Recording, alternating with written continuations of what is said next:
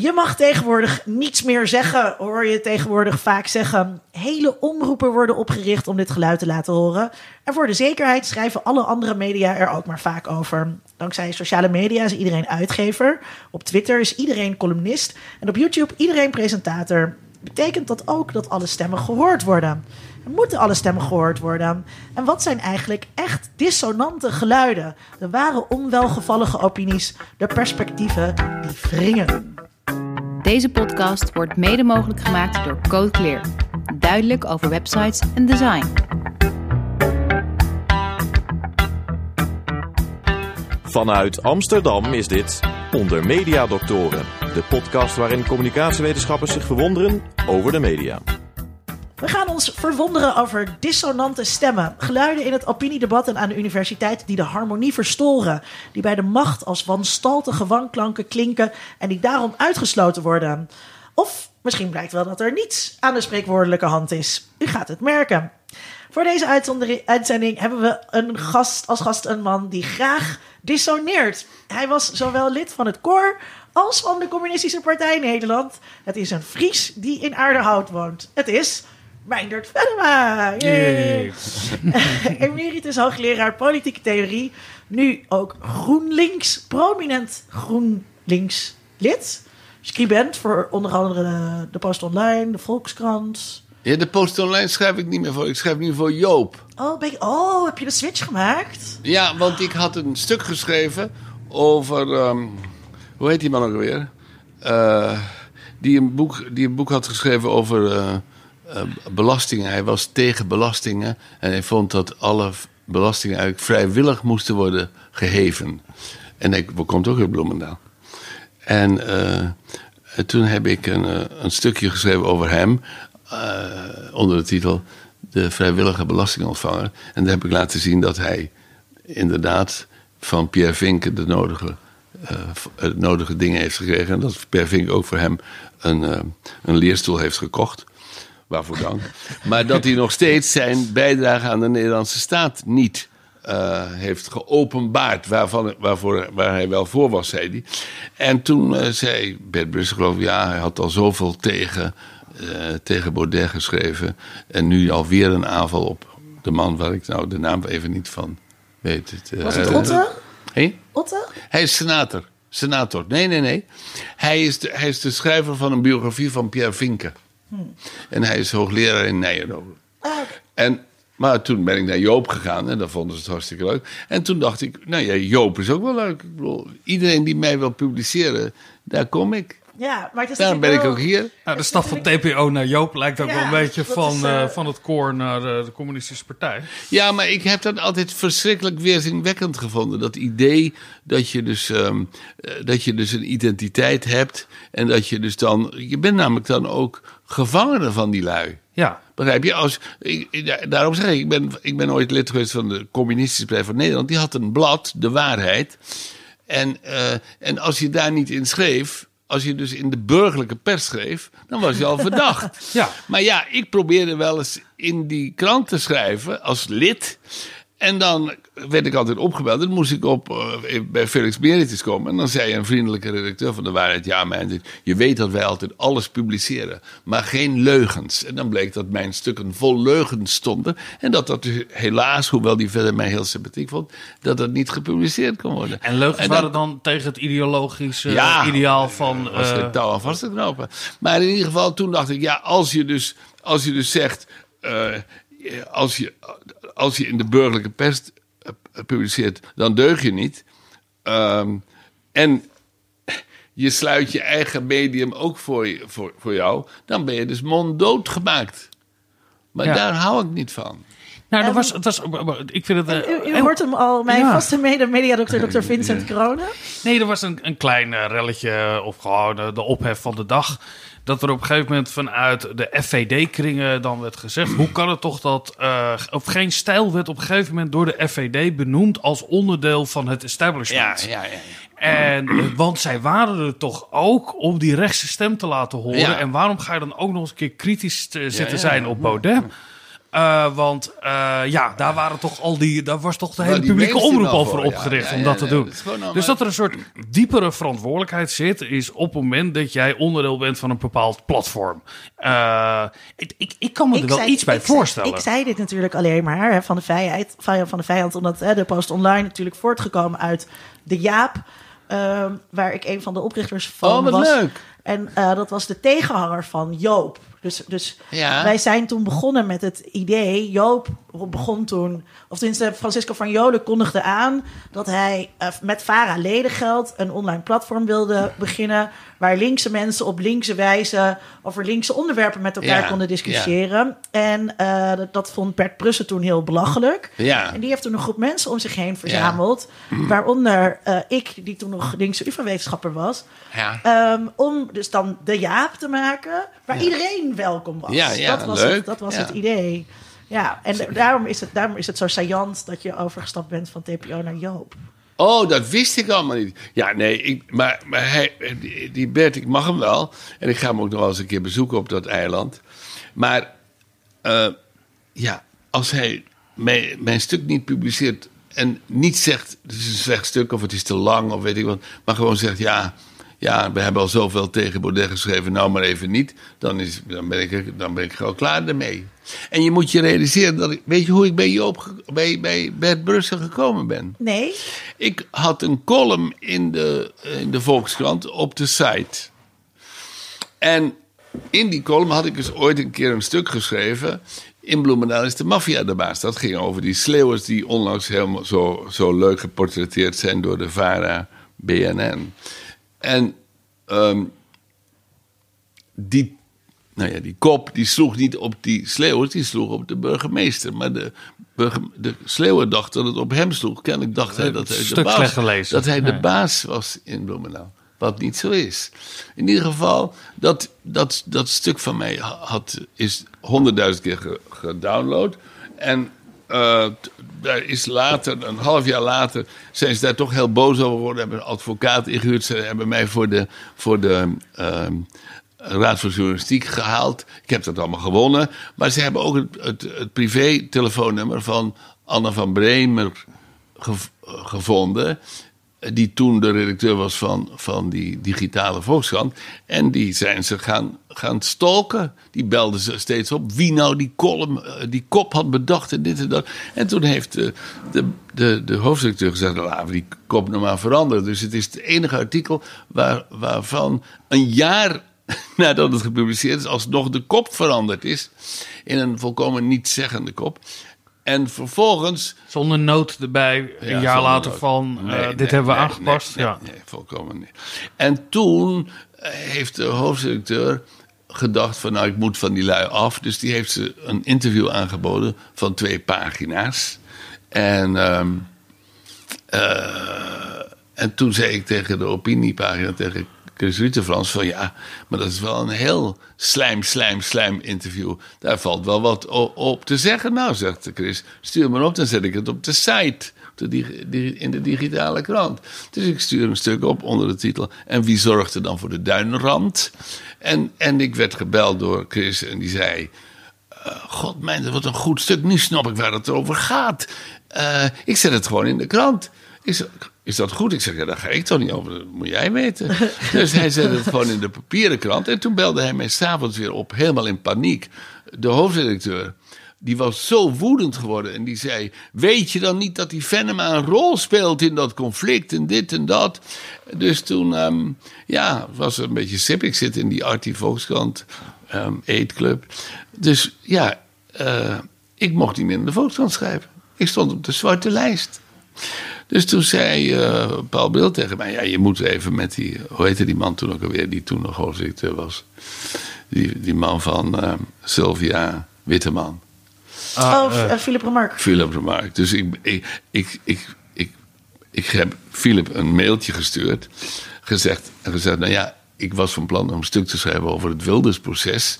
Maar ik begrijp dat jij je nogal intensief bezighoudt met de opiniepagina. dus ik, ik wend me meteen maar naar, tot jou. En toen mailde hij me meteen terug. Van ja, ik, hij hield zich bezig met, eh, met alle onderdelen van de krant. En sinds ik mijn eh, de Volkskrant misbruikte voor het uitvechten van persoonlijke vetes, had hij even geen zin meer in mijn stukken. Dus waarop ik nog gezegd heb dat ik dat al 30 jaar deed, en dat, dat vroeger polemiek heette. Maar ik vind het nogal wat ehm, dat een hoofdredacteur zegt: Ik heb even geen zin in jouw stukken. Want dat klinkt toch wel. ehm, Je had zo op de man gespeeld. ja, het klinkt heel Enorm. Ja. enorm. Maar, maar dus, dat, dus dat, is een, dat is een beetje waardoor ik denk, ja, ik ben blij dat er enige concurrentie is eh, tussen die bladen. Want eh, je kan natuurlijk wel alles zeggen, maar je moet, eh, je, moet geen, je moet wel een wit voetje houden bij de hoofdredacteur. Want dat is toch eigenlijk een soort Poetin in het klein, zou ik maar zeggen. Hè? Dus, dus als je daar iets doet wat hem niet bevalt. Ik bedoel, ik, ik schrijf al 30 jaar voor die krant. Ik, ik, dan zou je toch zeggen, mijn, dat, eh, dit, was dit dan wel een goed idee of zo? Zo van een biertje drinken? Nooit. Ja. Nee, goed. Dus ehm, in die zin ehm, eh, ben ik niet zo, eh, ja, ben ik maar gematigd optimistisch over de vrijheid van meningsuiting. Ja. Maar toen eh, belde, eh, eh, toen belde, ehm, oh nee, dat was al eerder, want Bert belde toen ik afgeschreven werd als columnist. En die had dat meteen in de gaten, dus die belde me op. En die zei, wil je in, in een column bij, bij ons hebben? Nou, dat is, dat is goed. Dus toen ben ik columnist geworden bij de Post Online. Ik had er nog nooit van gehoord. Ja. Nee, nou ja, ik, ik, ik, ik, eh, ik vind het altijd leuk om eh, eh, soms als ik op een linkse geborrel ben, Ja. dan zeg ik ja, dat de post online bestaat, dat komt door mij. En dan, en dan Ja, ja, duik ik een beetje weg. En laten wij even als voetnoot noemen dat Bert als hoofdredacteur nou ook niet de- degene is die heel erg goed omgaat met mensen. Even als voetnoot. Ja, eh, toch wel dat- belangrijk eh, ja, dat om hier te benoemen. Ja, daarom is, gaat iedereen ook weer weg bij de post Bij de online. Post Online. Eh, dat, Maar goed, ik dat wil is- maar zeggen. Ja, dat is ook dat- wel zijn charme weer natuurlijk. Be- Begrijp je? Dus bij die, bij die, eh, eh, maar goed, die, die Bert Brussen, dat, die beschouwt dat een beetje als een, als een eenmanszaakje. Dat, ik vind niet dat, dat die eh, Philip Remarque zich hoort te gedragen als Bert Brussen. En dat doet hij eigenlijk wel. Blijkt. Ja, ja, en dat is toch een stuk kwalijker. Ehm, Oh ja. ik, wil daar, ik wil daar een vraag eh, eh, over gaan stellen. Over die vrijheid van meningsuiting, wat jij Ja. net zei. Ehm, eh, maar de vraag is: de, is de vrijheid van meningsuiting absoluut? Zal ik bij jou beginnen, Vincent? Nou ja, volgens mij weten we uit juridisch Ik ga eerst, ik ga eerst Ja. laten spartelen en dan geef ik daarna de Ja, hoogleraar eh, dan- Eh, eh, Nee, vrijheid van meningsuiting is zeker niet absoluut. Eh, eh, vooral vanuit juridisch perspectief zijn daar hele duidelijke bepalingen bij waar de grenzen liggen. Er is eh, al een heel lang lopend proces nu van een niet nader te noemen politicus die al net genoemd werd over waar ligt die grens dan precies. Eh, dus ja, nee, die vrijheid van meningsuiting is zeker niet absoluut. Zou ook niet absoluut moeten zijn. Want als je daar waar de, de, wet zegt dat het oproepen tot geweld bijvoorbeeld, eh, lijkt mij heel erg wenselijk dat we dat op, op grote mate eh, inperken. Aan de andere kant denk ik, is dat we nu ook wel in debatten zijn gekomen waar jij begon, je mag niks meer zeggen. Ik vind dat mensen op persoonlijke titel eh, heel veel mogen zeggen, veel meer nog dan waar nu heel veel ophef over is. Jij bent, ik vind dat mensen het volste recht hebben om ongelofelijke domme dingen te mogen zeggen. En dan gaan we ze niet juridisch om, om, om vervolgen. Ik vind ook het proces van Wilders bijvoorbeeld. Tuurlijk mag hij dat roepen in een of ander gek zaaltje in Den Haag. En tuurlijk is dat heel erg kwetsend voor hele grote groepen Nee, het is mensen. niet kwetsbaar. Het is niet kwetsend. Kwetsend is niet erg. Nou, het is niet kwetsend. d- d- Het is, ik- ik het kan me is voorstellen oproepen dat tot mensen daar boos over Het is worden. oproepen tot geweld. Nou, ik, vind in dit geval, we gaan deze juridische discussie. eh, eh, ik, kijk, dan, als hij daar achteraan zegt dat gaan wij regelen. In combinatie met een bepaalde bevolkingsgroep in Nederland waar er dan minder van is, dat roept associaties. Minder van moeten zijn. Ja, dat, nou, dat roept associaties op die, die, die heel erg naar zijn. zuivering. Maar dan nog vind ik, op het moment dat dat niet expliciet wordt gemaakt, dat eh, we in, een samenleving die vrijheid van meningsuiting altijd uitgelegd moet worden dat de intentie van de spreker heel erg zwaarwegend zou moeten zijn over hoe die spreker daar wat hij wil zeggen. Maar dus dat ben als ik hij, helemaal met je eens. Alleen hier is de intentie zo duidelijk. Kijk, als die Wilders gewoon in het parlement zou zeggen... of elders op een spreekbeurt... dat hij vindt dat er minder Marokkanen zouden moeten komen... of zijn, dat er... Begrijp je, dat, dat mag allemaal. Maar als jij in een zaaltje... wat al voor geïnstrueerd is, zegt... willen wij meer of minder Marokkanen... en de zaal gaat dan op aanwijzing van de regisseur roepen: minder, minder, minder. Ja, dat is angstaanjagend. Zeker. Dat is heel Ja. angstaanjagend. Dus dat, is, dat mag niet. Nou, nee, niet alles wat angstaanjagend is, is strafbaar. Nee, dat is Eh, waar. Maar wat, maar, wat het verschil hier ehm, eh, is tussen gewoon een spreekbeurt geven eh, en dit, dit opjutten met de instructie van de regisseur, is dat je die groep, die de eerst gewoon een groep was, hebt aangezet tot haat. En dat is nu bij wet. Lijkt- li- dacht ik ook. En ik heb, er, ik heb er trouwens een stuk over geschreven, onlangs in Joop. Want ehm, Martin Sommer, die vond ook, die had, je- deelde jouw standpunt, die, die verwees daarbij naar eh, mijn collega Paul Cliteur. Die, die zei, ja, Marokkaan is helemaal geen ras. Dus waar hebben we het over? Ja, dat vind ik een onzin argument. Dus toen Ja, heb dat- ik geschreven, nou ja, eh, dat betekent dat, dat, oh sorry, dat betekent dat Martin Sommer en Paul Cliteur ook geen bezwaar zouden hebben, of wel maar bezwaar zouden hebben, maar geen juridische maatregelen zouden willen nemen als ze dezelfde, als een politicus zou zeggen, willen wij meer of minder Joden? Minder, minder, minder Joden. Dat, is, dat mag, dat mag. Ook volgens jou. Ja, ik vind dat je dat. Eh, je nou ja. mag deze volstrekt. Ik ga het er altijd bij zeggen. Deze volstrekt verwerpelijke mening. Ja. Mag jij in een, in een publiek domein mag je dat eh, verkondigen. Als je daar een koppeling aan maakt. En daar twijfel ik een beetje Ja. aan die. Dan gaan we dat regelen. Daarvan kan je. Dat, dat, dat roept natuurlijk een heleboel vragen op. Hoe gaan we dat dan regelen? Hoe, wat, wat is het beleid ervoor? Als hij daar achteraan had gezegd. Eh, hè, we, we, we laten de treinen weer rijden en de deportaties gaan beginnen. Ja, dan ben je echt zwaar Nee, maar dat strafbaar vind ik- dat- daarin. Nee, het zit hem bij mij, maar goed, dit is een, een- wel een detail. hoor. Het zit hem bij mij juist in dat minder, minder, minder. Niet in dat, we- dat gaan we regelen. Ehm, ik, ga, ik ga even. eh, eh, ik, ik wil me even theoretischer eh, maken. Ja. Ehm, eh, ik heb in, in, vorige, in vorig millennium eh, volgde ik bij jou democratie en haar toepassingen. Eh, Jawel. als, als vak. En eh, je bent een, een liberaal-democraat in hart en nieren. Ik kon toen nooit eh, discussies van jou winnen. Ehm, hoe zit Dat het? ga je wat nu gaan we nu, proberen. dat gaan we nog eens over doen. Nee, nee, nee. Ik ga nu gewoon, ik ga nu gewoon onze luisteraar kennis laten maken met Het fenomeen met, met, met, die, met die aftuiging. Wat is vanuit, vanuit een, een eh, liberaal-democratisch, eh, eh, theoretisch perspectief. Eh, eh, wat zijn daar vanuit, hoe zie jij vanuit dat perspectief de grenzen aan vrijheid van meningsuiting? Dus los van zeg maar, hoe het bij ons in de wet is ingericht of wat, wat Vincent er Ehm, persoonlijk van vindt. Maar Nou vanuit ja, een, in, dat, in dat democratisch perspectief ehm, dient, ehm, dient een eh, meningsuiting bij te dragen aan een debat. En in dat debat kan, kan alles, mag alles gezegd worden. Er mag ook gezegd worden, in mijn optiek, dat je de leeftijd waarbij, waarop kinderen seks mogen hebben met volwassenen van 18 naar 12 wil brengen. Hoewel daar tegenwoordig de meeste mensen anders over denken. Eh, je, mag, eh, je- mag ook zeggen dat je eigenlijk tegen de democratie bent. Dat, dat is wel het verstgaande.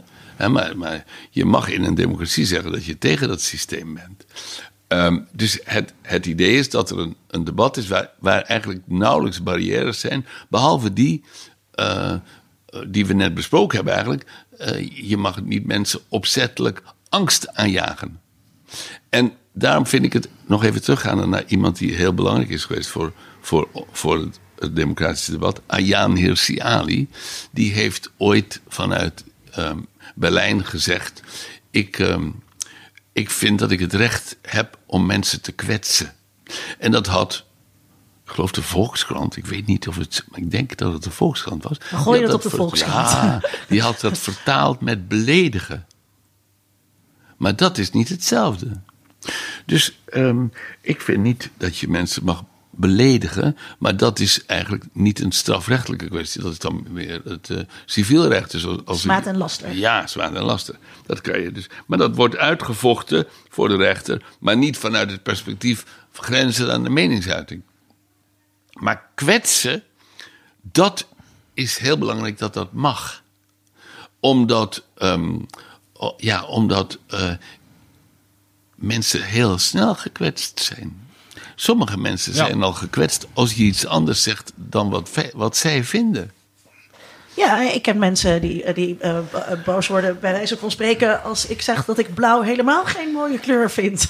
Nou ja, precies. Maar dus, dus het recht om te kwetsen is eigenlijk een grondrecht in een democratie. Als je dat, als je dat, en daarom vind ik, vind ik, vind ik die huidige discussie over van die Black Lives Matters een gevaarlijke kant op gaan. Omdat men daar eigenlijk zegt, die mensen worden gekwetst. Dat is ook waar. Dat is ook waar. Dus heel veel mensen voelen zich gekwetst door Zwarte Piet.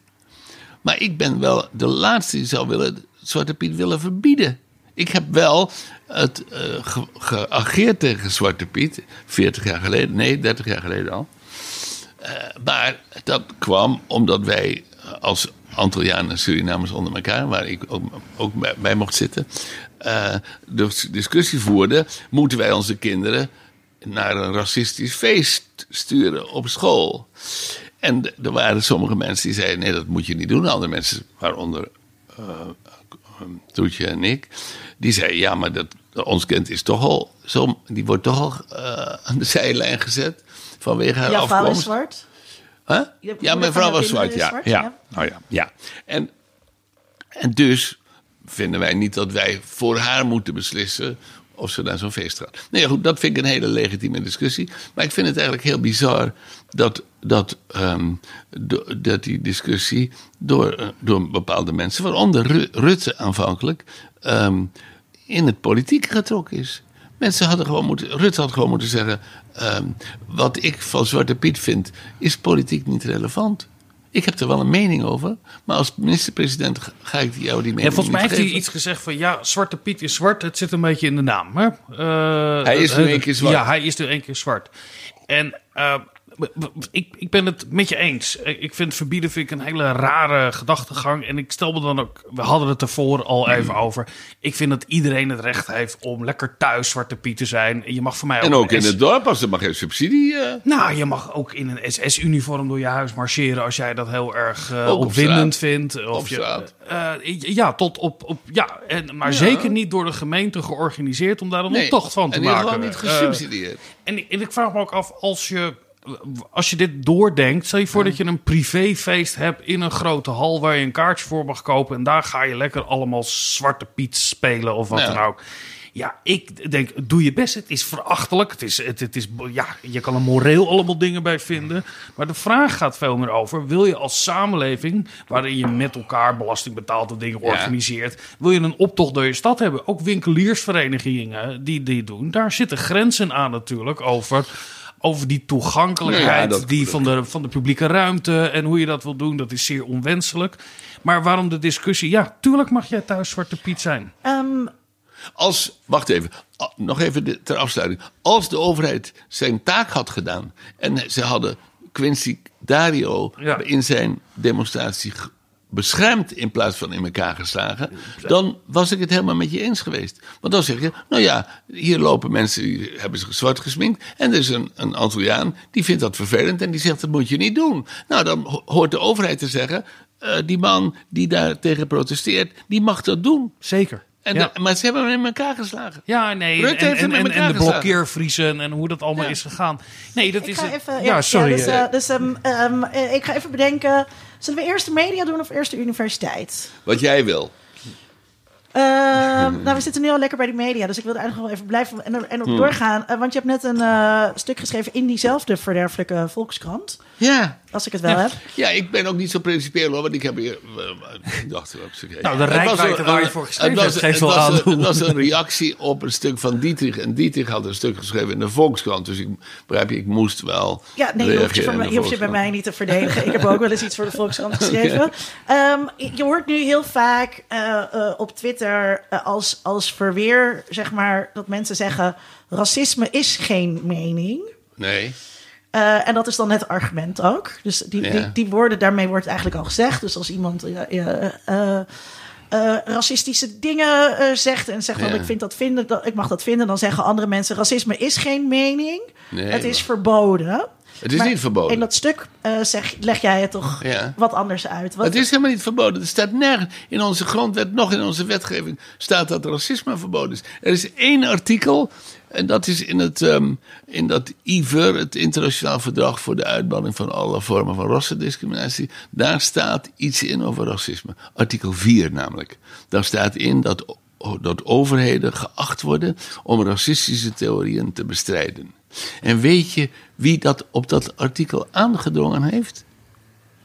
Raad eens. De Sovjet-Unie natuurlijk. De Sovjet-Unie. Begrijp je? Want die, omdat die tegen vrijheid van mening, meningsuiting zijn. Dus die, die zeggen gewoon, eh, verkeerde theorieën moet je verbieden. Daarom hebben ze Trotsky ook verboden. Was een verkeerde theorie. Ja, Dus, dus eh, dat idee dat het geen mening is, ja, het is zelfs een theorie. Kant heeft er uitvoerig over, over geschreven. En eh, is, er is tot, tot, tot en met Marx. Eh, Bij Marx kan je lezen dat het, Slavische ras dat dat inferieur is aan het Duitse. Nou, ik vind het altijd heel wonderlijk ook dat mensen zeggen van je moet het bestrijden met wetenschap en je moet het bestrijden met kennis. Terwijl eh, eh, racistische ideeën juist eh, volgens mij afkomstig zijn eh, uit de wetenschap. En Ja. er ook een wetenschappelijke eh, legitimatie of onderbouwing gezocht werd om eh, bepaalde dingen te kunnen doen. Ja. Eh, dus het is zeker niet dat je dat, je dat op die manier kan, kan ehm, bestrijden. Als we nou in de media kijken, hè, want ehm, eh, eh, jij mag soms even ergens niet schrijven, maar op, alle, op allerlei andere plekken wel. Ik mag vaker wel schrijven Precies. ik ook. En we horen heel veel van die stemmen. Er komen steeds meer omroepen Ja. ook bij. Ehm, is er nu... Leven we nu in een tijd waarin je daadwerkelijk minder mag zeggen? Was het vroeger erger? Nee, het is zeker niet erg. Kijk, ik heb de tijd nog meegemaakt dat, dat, je, dat je een boete kreeg als je zei: vol is vol in Ja. het openbaar. Ja. En ik Janmaat, kon destijds de, dus de man die dat zei, Hans Janmaat, alleen maar verdedigen. Omdat ik lid was geweest van de Communistische Partij. En ik getrouwd was met een zwarte vrouw. Dus de Anne Frank Stichting dorst mij niet voor fascist, nog voor racist uit te maken. Maar anders was mijn, mijn, mijn carrière afgelopen geweest. Als ik gewoon op de universiteit des- destijds gezegd had. Want je hebt het toen opgenomen voor Jan Maat. Ja, en weet je wie dat ook deed? En waarom, maar waarom vond je dat belangrijk? Om het Omdat ik voor vrijheid van meningsuiting ben. Maar en denk ik was natuurlijk niet, van. nou, Meindert, nu kan je ook even pas terug. Deze keer hou je je mond, want die, want die Jan Maat is ook een sukkel. Iedereen hield als zijn mond. Ja, En ja, als je dus, dus jij zegt als je een sukkel hoeft geen vrijheid van meningsuiting te hebben. nee, ik, Maar- dat, maar ik, ik- ik, ik, maar ik heb zelf, kijk, ik heb zelf ook eh, eh, ooit eh, die die brief ondertekend. Eh, dat ik vond dat Stichting Martijn niet verboden eh, Nou. mocht worden. Want ik heb les van jou gehad. Ja, En dat precies. democratiebegrip is er heel erg Ja. eh, ingestampt. En dus vooral de, de vrijheid van vereniging en de vrijheid Ja. van meningsuiting die daarin zit. En dat het recht op politieke associatie een heel zwaarwegend Ja. grondrecht is. Maar vervolgens ben ik op allerlei lijsten gezet, wat ik niet zo heel leuk vond. En toen dacht ik, nou Linda, misschien moet je toch maar... Dimmen. moet je even wat... Ja, je kan, je kan ook over een paar jaar niks zeggen over Nou ja, maar, dit is een interessant. Ik, had die Martijn nog graag. eh, had ik willen noemen, omdat dat ik dat ook gedaan heb. Ik heb sterker nog, ik heb twee keer een artikel geschreven ter verdediging van Martijn en, en, en van zijn eh, eh, oud bestuursleden. Pas geleden weer met Duitsberg, zag ik. Ja, en met Grum, Arnon Grunberg. Dus Grunberg, die, eh, die eh, heeft mijn eeuwig, eeuwigdurende achting, omdat hij dat soort dingen durft te doen. En, dan- maar dan realiseer je ook wel dat je eigenlijk dat soort dingen alleen maar, maar kan doen als, als Arnon ook meedoet. Want begrijp je? Want anders dan word je al gauw volkomen gecriminaliseerd. Ja. En, en ik vind dat wel ernstig, want ik heb nu net, doordat ik dat ondertekend heb, heb ik ook eh, wat e-mailcontact met, die, met eh, die eh, Martijn uit een. Uit een Bogert of zoiets. Nou ja, die, die, eh, is, die zijn vriend is opgepakt om, omdat er een schijn van, van kinderporno om hem heen hing. Nauwelijks nauwelijks eh, bewijsbaar. En dan, die heeft dan drie weken in de gevangenis gezeten. Onlangs eh, is, is er iemand met een eh, hakbijl zijn, zijn woning binnengedrongen. En heeft een andere vriend van hem, net die vent, net op tijd die hakbel uit zijn eh, hand kunnen slaan. Anders waren ze allebei doodgeslagen. En dan komt de politie en die, zegt, eh, die neemt ze mee naar het bureau. En die zegt tegen die man met die hakbel: Nooit meer doen hoor. En laat ze dan weer lopen. Ja. En dan denk ik: eh, Wel grappig. De, de, de, er ho- hoeft niet iemand die hoeft maar een keer eh, tegen een agent in zijn gezicht te spugen. En het staat op de voorpagina van de Volkskrant. Maar over de, de behandeling van de, van de leden van, van Martijn. Ook degene die geen strafblad hebben, hoor je niks. En, en het is duidelijk als je dat allemaal ziet. dat justitie alle mogelijke moeite doet om, om mensen die geen strafblad hebben. toch een strafblad te geven. En dan denk ik van, waarom, hoe komt het dan dat er, dat er eh, maar drie intellectuelen zijn die het voor Martijn opnemen. En jij nu, heb ik Nou ja, net gehoord. Nou ja, ik, Maar ik heb dus, ik heb vorige zomer eh, heb ik, heb ik twee stukken geschreven. Eerst voor een wat kleiner eh, platform, voor Brainwash. Ja. En dat, en dat ging wel goed. En toen dacht ik, oh, misschien heb ik als vrouw Ja. hier wel privilege op. Ja. Omdat ik niet meteen automatisch verdacht ben eh, dat ik Ja. dan zelf eh eh, pedofiel dan wel pedoseksueel zou zijn. En toen dacht ik, nou, ik, ik durf nu misschien wel. En ik mocht eh, iemand vervangen in het parool als columnist. Dus ik dacht, ik, eh, ik, Zijn we in het parool? ik zet het in het parool. En, eh, en toen, eh, nou, toen, ging, toen ging de shitstorm eh, eh, los over me. En toen eh, ben ik dagen belaagd en bedreigd. En, Oh ja? ehm, ja, hè? ja, ja. Ehm, eh, ja, dus ik snap wel waarom er maar drie intellectuelen en Linda Duit zijn. Eh, eh, vier intellectuelen dus. Ja. Die, ehm, Die correctie hadden wij moeten doen hoor. Dankjewel, dank jullie wel, mijn heren. Ehm, Ik had het al gedaan. dat, eh, eh, eh, dat, dat, ik, begrijp dat, dus- ik begrijp dat dus wel. Maar En wat, dat- wat gaf jou het maar, vertrouwen? want ik wil het even Ja, over. Want ja. er is soms. Ehm, dus de, het parool was, stond heel erg achter mijn stuk. De hoofdredacteur stond Oh, dat ook vind ik achter het tof. stuk. Wie was dat toen? Ronald Okhuizen. Oké. Eh, en die hebben me ook eh, steunbetuigingen Dat gestuurd. siert de man, want dat zouden ze bij de Volkskrant niet gedaan Dat hebben. daar niet hebben gedaan, nee. Dus ehm, Die, die, die, vinden, die steunen wel die pedofielen in de ke- eh, katholieke kerk, maar verder, verder nergens. Maar, maar ehm, en dus de formele structuur ligt er wel. Maar omdat je vervolgens zo... omdat op sociale media mensen zo bezig zijn met je het zwijgen proberen op te leggen. Ja. Letterlijk dat het Ja, ja. zwijgen opleggen. Ehm, begrijp ik dat wel. En moeten we ons, moeten we ons daar meer zorgen over maken? ik Over ben nog die- even benieuwd, toen oh, jij ja. in de jaren tachtig hè, met Jan Maat, eh, Ja. toen eh, had je een aanstelling aan de UvA. Ja. Ehm, heb je toen enige gedonder gehad dat er eens een, eh, een decaan zei, nou, meneer Venema, wat, Nee, wat, nee, wat, nee, wat, nee, nee, wat nee. zegt u nou daar allemaal? Nee, nee, nee, nee, nee. Dat, U, nee, eh, nee, nee, nee, nee. stelt het Nee, instituut toen- in een kwaad nee, daglicht. Nee, nee, nee. Toen, dat zou nu wel het geval zijn. Maar toen was het natuurlijk toch... eh, ja, men was zo blij dat die communisten dood waren... eh, dat, dat degenen die overgebleven waren, waren toch wel vrijdenkers. En daarbij kwam, inderdaad, wat als gezegd... dat eh, ik, ik, mijn, mijn vriendin was, die had, was medeoprichter van de Zwarte Vrouwenbeweging.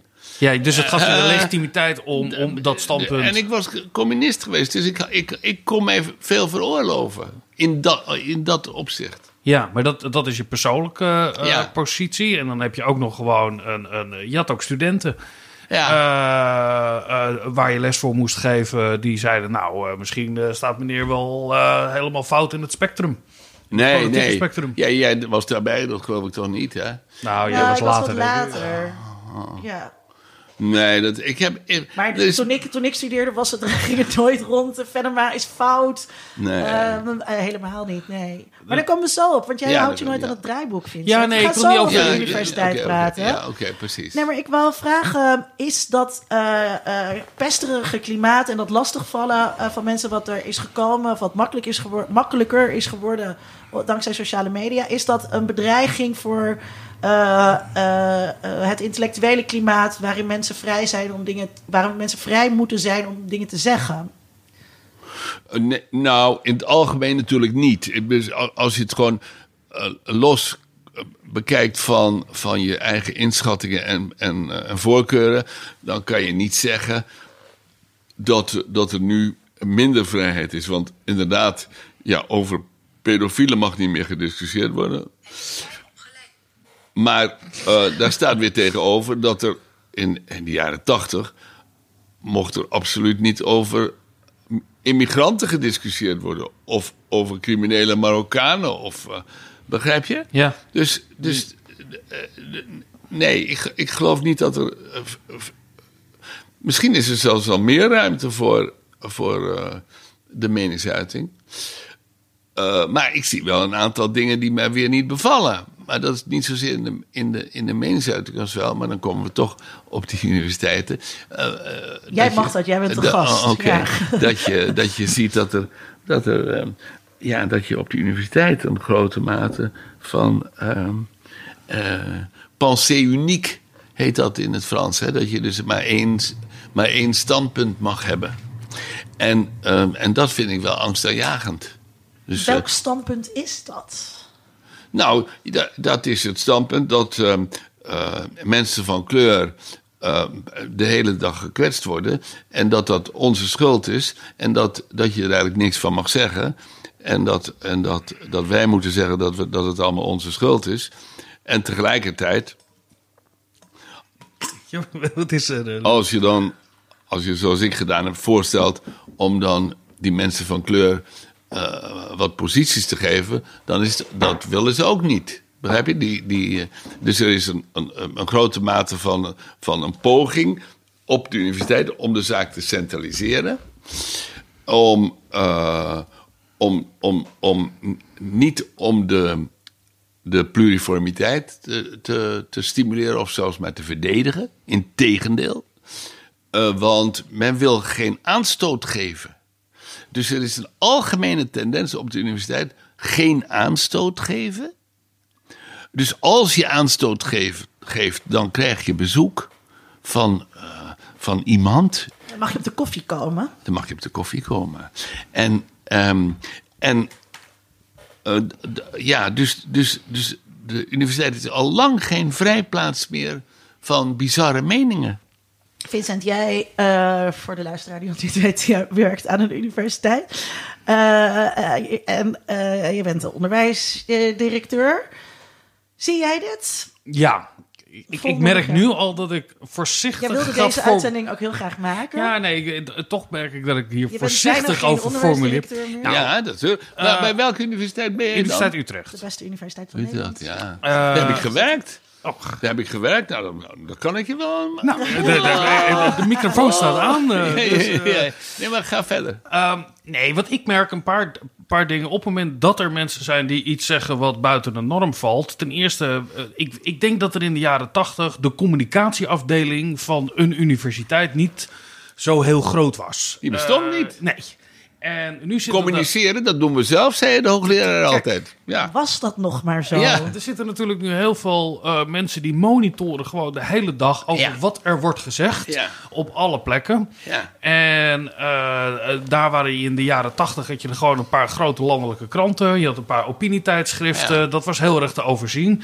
Dus nu heb je heel veel mensen nodig die alle socials bijhouden, alles nagaan wat er wordt gezegd. En het, het, het is wel meerdere keren voorgekomen dat ik erop attent werd gemaakt dat iets gezegd werd op een bepaalde plek. Eh, op Twitter werd iets Ja. gezegd of op Facebook werd iets gezegd. Maar wat dan? Kan je daar een voorbeeld van geven? Wij willen Nou ja, voorbeelden Laat zien. ik een, een, een wat veilig voorbeeld geven. Eh, eh, mensen die tijdelijk zijn aangesteld als docent aan een universiteit. Deze mensen die worden slecht behandeld. Ja. Die hebben, Schandelijk. eh, schandelijk behandeld. Schandelijk en behandeld. eh, ben ik het helemaal mee eens. En mensen die het wel eens een keer gewoon zich groots over uitspreken. Over wat, die, eh, die, wat de universiteit allemaal doet met jonge mensen. En ze op een dood, nou, doodlopend spoor zetten. Alle argumenten hoeven we hier niet te herhalen.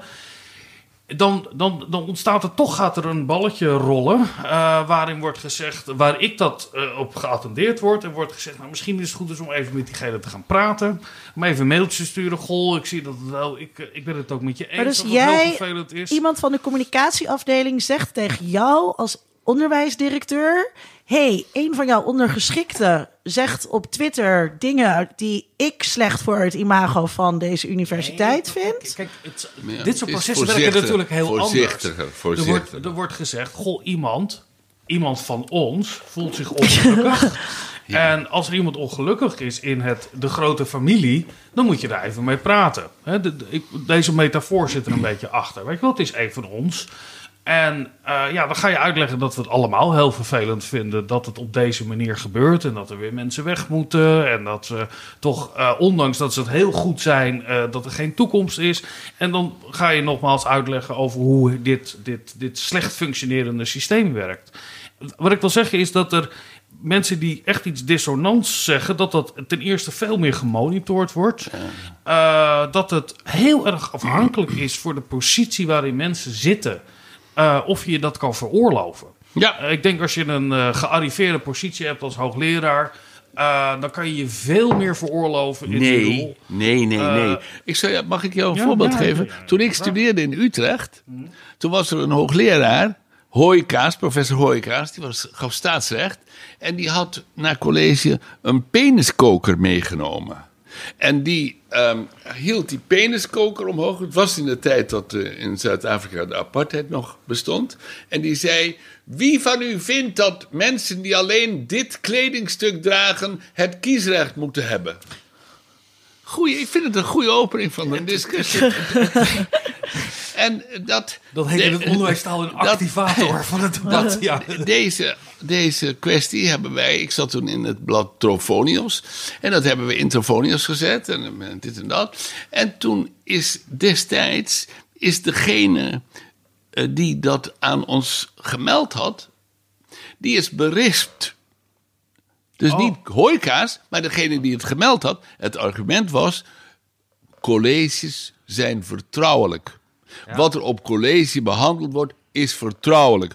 Anders kunnen we niet meer open discussiëren. Dus meneer, u moet niet naar de pers lopen. U moet gewoon tegen de professor zeggen: dat vind ik geen manier van doen. Ik ben het daar eigenlijk heel erg Ja, mee eens. En nou we ja. zijn dat helemaal kwijt. Maar Dat maar, helemaal dit- kwijt. maar dat ligt van eh, twee kanten eh, onder vuur.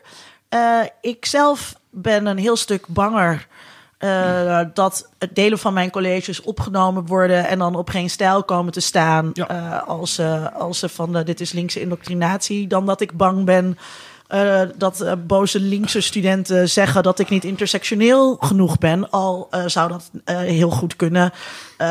Want die cancel culture is er daar ook. Maar het zijn twee kanten die dat onder. Nee, dat is echt niet waar. Het zijn drie kanten van wie je onder vuur ligt. Je ligt van linkse studenten, van rechtse studenten Ja. en van die fucking communicatieafdeling. Ja, maar dat vind ik het ergste. Dat, die schiet hier namelijk in je rug. Want kijk, als jij een intellectueel bent, dan hoor je bereid te zijn om tegengesproken te worden. Desnoods door geen stijl. Of door linkse studenten. Maar dat je door je eigen mensen.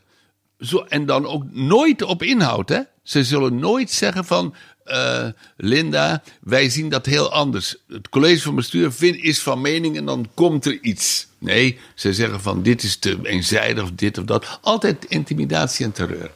En, en dat vind ik heel erg. Want jij zegt ook voorzichtig. Maar die, ik, heb, ik heb net gehoord dat de, dat de diversiteitsofficier aan de UVA. dat hij een, ehm, een, een, een vraag in een tentamen eh, heeft. Eh, Geschrapt. afgekeurd. Oh. Ja, maar dan moet je, dat moet je echt even, even was, speel, de beans.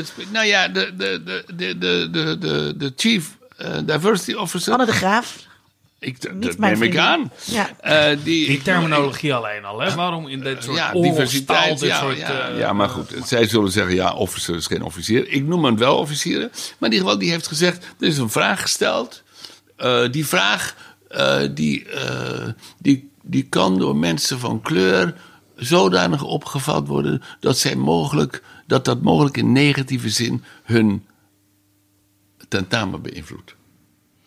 De vraag was namelijk, eh, illustreer het bystander-theorema aan de hand van de moord op, op Floyd. Huh? Dat was de vraag. Oh, en om... En, dat je dan maar dat zou een trigger warning kunnen zijn. Ja, dan zou, nou, dan zou iemand die van kleur is, z- die moet, werd opeens herinnerd aan Floyd en die, zegt, die zou kunnen denken, oh, nu kan ik het tentamen niet meer maken. Ja, want kijk, als, Dus begrijp je? Nee, maar het dat is- dat is- het principe maar- dat je een veilige omgeving creëert. Kijk, waarin jij bent iemand- toch al van het veilige omgevingen Nou ja, creëren? ja, het- het- Je het- moet het- geen ja, veilige... cre- Ja, als je, Eh, nou weet ja, je wat het een is? omgeving Een waar je veilige... het cre- gevoel- weet je waar het idee hebt weet, je waar een veilige, weet je waar een veilige eh, omgeving is? In de Pinkstergemeente. Daar is een veilige omgeving. Ja, Ik, ja. ik, trachtte een- ik kan mij, ik, ik probeer het, ik kan mij voort, kijk, ik, nou, laat ik het anders zeggen. Er zijn andere voorbeelden ook veilige UvA en die omgeving. zullen ook het is een schande. Want was je ook alweer?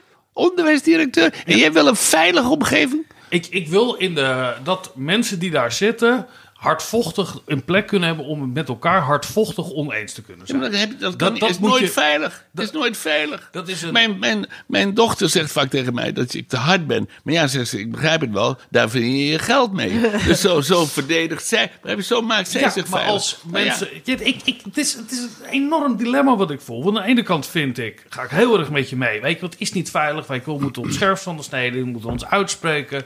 En er moet ook iemand kunnen zijn, maar hopelijk je docent die tegen je zegt: Dit is gewoon onzin wat jij hier zegt. Of eh, eh, hou je mond. Weet je wel. Het kan hard tegen hard gaan. Maar aan de andere kant, ja, ik, ik zie ook wel dat eh, jonge mensen die zich ontwikkelen op hun 18e, 19e, 20e moeten leren om in een debat te Ja. treden, om te kunnen debatteren. maar dat- maar dat en dat moet- als jij uit een gezin komt met hoger opgeleide ouders en je bent vanaf je vierde opgeleid om je mening te uiten, dat we hele groepen uitsluiten die niet mee kunnen in dat academisch Oh, model. nee, joh. Ik heb, nou toevallig, ik geef je een anekdote. Ik zat maar, hij is, hij is nu bijna klaar. Een collega van jou, die, die bij mij gepromoveerd is. En die uit Limburg komt, uit een heel eenvoudig milieu. Dus helemaal niks van ge- gestudeerde ouders. Die, die, die deed bij mij, een, moest bij mij een, eh, een paper schrijven voor het eerste jaar. En ik had de, de, de, racisme, was mijn thema. Toen al, hè. We spreken nu van de jaren tachtig. En ik had op de lijst een boek gezet van Angela Davis. En hij kwam bij me en hij, was, hij, wa, hij liep helemaal rood aan van woede. Want hij vond dat helemaal geen wetenschap. Dat was propaganda, communistische propaganda en dit en dat en zus en zo. ik zeg tegen hem: ehm, Volgens mij ben je hartstikke boos. Ja, zegt hij, ik ben ook hartstikke boos. En toen zei ik, nou ja, dat zit wel, kan je nou wel gelijk in geven. Maar je, rea- je realiseer je wel dat die Angela Davis ook heel erg boos is. En dat hij misschien nog wel meer reden heeft om boos te zijn Ja. dan jij. en toen keek hij me aan. Toen dacht hij, ja, ja, zo heb ik het nooit bekeken. Ja. En dat, begrijp je, maar dat, dus die veilige omgeving, die hoor je als docent zelf te creëren. Dat kan een, een, een diversity officer of een onderwijsdirecteur niet doen. Die kan alleen maar, wat hij wat die wel kan doen, is te zeggen, als ik merk dat mensen eh, die de mening niet delen van de docent eh, stelselmatig lager beoordeeld worden of, of, of geïntimideerd, dan moet je optreden. Maar dat moet je altijd in het geheim doen. In de zin van, dan moet je die mensen gewoon doodschieten of anderszins liquideren. Nee, maar we zitten ook op een semantisch vraag. Kijk, kijk, veilig betekent niet aangenaam. En ik, dat voorbeeld wat we nu horen van zo'n vraag, en dat hoor ik ook wel eens terug eh, in, in debatten erover, dan, over, dan gaat het over safe spaces of wat dan ook. Je mag een, een, een, een diep iets lezen waar je het heel erg mee oneens zijn, of een voorbeeld Ja. eh, gebruiken. Dat, ik heb dat heel erg snel zien veranderen. Dat als je hoorcollege geeft, dat ik nu wel nadenk over... goh, ik heb wat afbeeldingen erin zitten... waarmee ik bepaalde extremen wil laten zien... of iets wil laten zien over nou ja, eh, de dingen waar wij onderwijs over geven. Dat ik nu eerder nadenk, kan ik dat wel laten zien? Een, een diep racistisch beeld om iets uit te Ja, ja. leggen over racisme... Zou ik nu... Of Lolita. Nou, Je kan geen college meer geven over Lolita. nou, dat is Verboden? Een, ja. Is, En of eh, wil je dat dan met een aankondiging doen of niet? En voor wie doe je dat dan precies? Dat, dat, dat vind ik wel heel erg moeilijk. Maar dat is, dat is in korte tijd veranderd. Ik wou, ik wou eerst nog iets anders zeggen. Toen ik, toen ik eh, studeerde eh, bij politicologie was het gewoon... Het was ook, waren kleine groepen, maar je moest wel leren vechten voor jezelf, zeg maar. Je moest wel leren opkomen voor jezelf om je staande te houden in zo'n discussie. En daarbij werden we niet eh, geholpen. En toen volgde ik een vak bij vrouwenstudies, inleiding vrouwenstudies. En daar praatte iedereen heel zachtjes tegen elkaar. En, en, ik, moest, en ik werd dan, en ik praat altijd heel hard.